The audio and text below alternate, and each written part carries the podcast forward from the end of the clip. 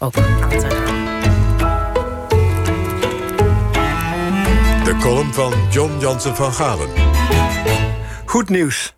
De krul verdwijnt uit het Amsterdamse stadsbeeld. Het is een smoezelige, maar vooral discriminatoren publieke voorziening. Een uit groen geverfd ijzerwerk opgetrokken bouwwerkje aan de openbare weg... met kleine uitsparingen voor de lichtval... waarvoor bijgangers in nood kunnen urineren. Maar alleen mannen. Vijftig jaar geleden was de krul dan ook een van de speerpunten van Dolomina. Weg ermee. Op foto's zie je Nora Rozenbroek, die de beweging haar naam gaf... bij de ingang van een krul staan met een protestbord in haar handen. Wij, vrouwen van Nederland, eisen openbaar plasrecht. Een hoge noodzaak. Als verslaggever bezocht ik in 1970 het oprichtingscongres van Dolomina in de Jeugdherberg te Arnhem. Althans, dat probeerde ik, maar ik was er als man niet welkom. Dus loop ik door de bosjes rond het gebouw om iets op te vangen van de bijeenkomst. Het leek wel een Poolse landdag. Ironisch genoeg schenen achter de schermen uitgerekend twee mannen, de Poolse gebroeders Korczek, de strategie te bepalen. Zij mochten er wel in. En terecht. Want zij bedachten een uitgekiende strategie... waarmee Dolomina ontzaglijk veel publiciteit trok... en menig succes boekte. Maar het duurde dus nog een halve eeuw... eer de krul aan zijn einde kwam. En waarom?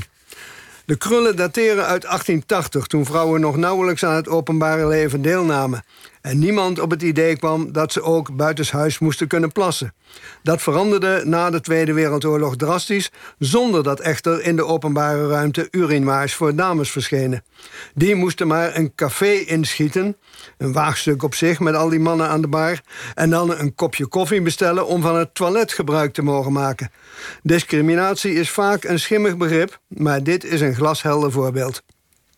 Er komen nu propere wc-gebouwtjes met een deur en een slot. Voor mannen, vrouwen en gehandicapten. Genderneutraal of, zoals het gemeentebestuur liever zegt, inclusief. Ik zal de niet-inclusieve krul nog missen... want ik wist altijd precies waar ze stonden in de stad... maar ik heb het graag over voor de vooruitgang.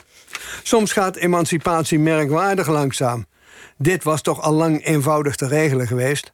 Al heeft het feminisme de kwestie ook een beetje laten sloffen... behalve dan Geerte Piening... die drie jaar geleden een symbolische daad stelde... door te gaan wildplassen in Amsterdam... en te weigeren de boete van 140 euro te betalen. Ze verloor de zaak, maar kan nu de voldoening smaken... dat de gemeente wellicht toch naar haar geluisterd heeft.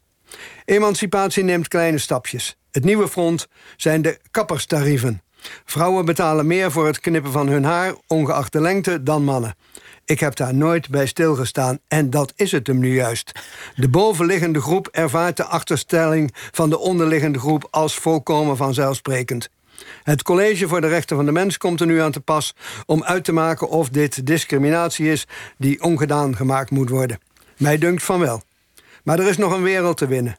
Sedert het wereldkampioenschap van dit jaar vraag ik mij maar af waarom vrouwen nog apart van mannen moeten voetballen. Waarom geen gemengde teams? En hoe mooi zou het niet zijn als die dan op den duur weer uitsluitend uit vrouwen zouden bestaan, omdat de mannen het tempo niet meer kunnen bijbenen? Emancipatie kent geen eindstation. Ja, John, bedankt. Even nog die, die, die plaskrul. Uh, Laura Stek, ik, ik meen dat jij ooit op excursie bent geweest... voor een documentaire naar een plaskrul. Klopt dat? Nou, ik heb het niet geprobeerd, hoor, uh, te plassen in een plaskrul. Maar voor de podcast Ongesigneerd over onopvallend design... die hier ook wel eens is uitgezonden in OVT... Um, ehm, hebben we een, uh, een aflevering besteed aan de plaskrul. Ja, en, en, die is nog, die is nog beluisterbaar. Die is zeker nog beluisterbaar, ja.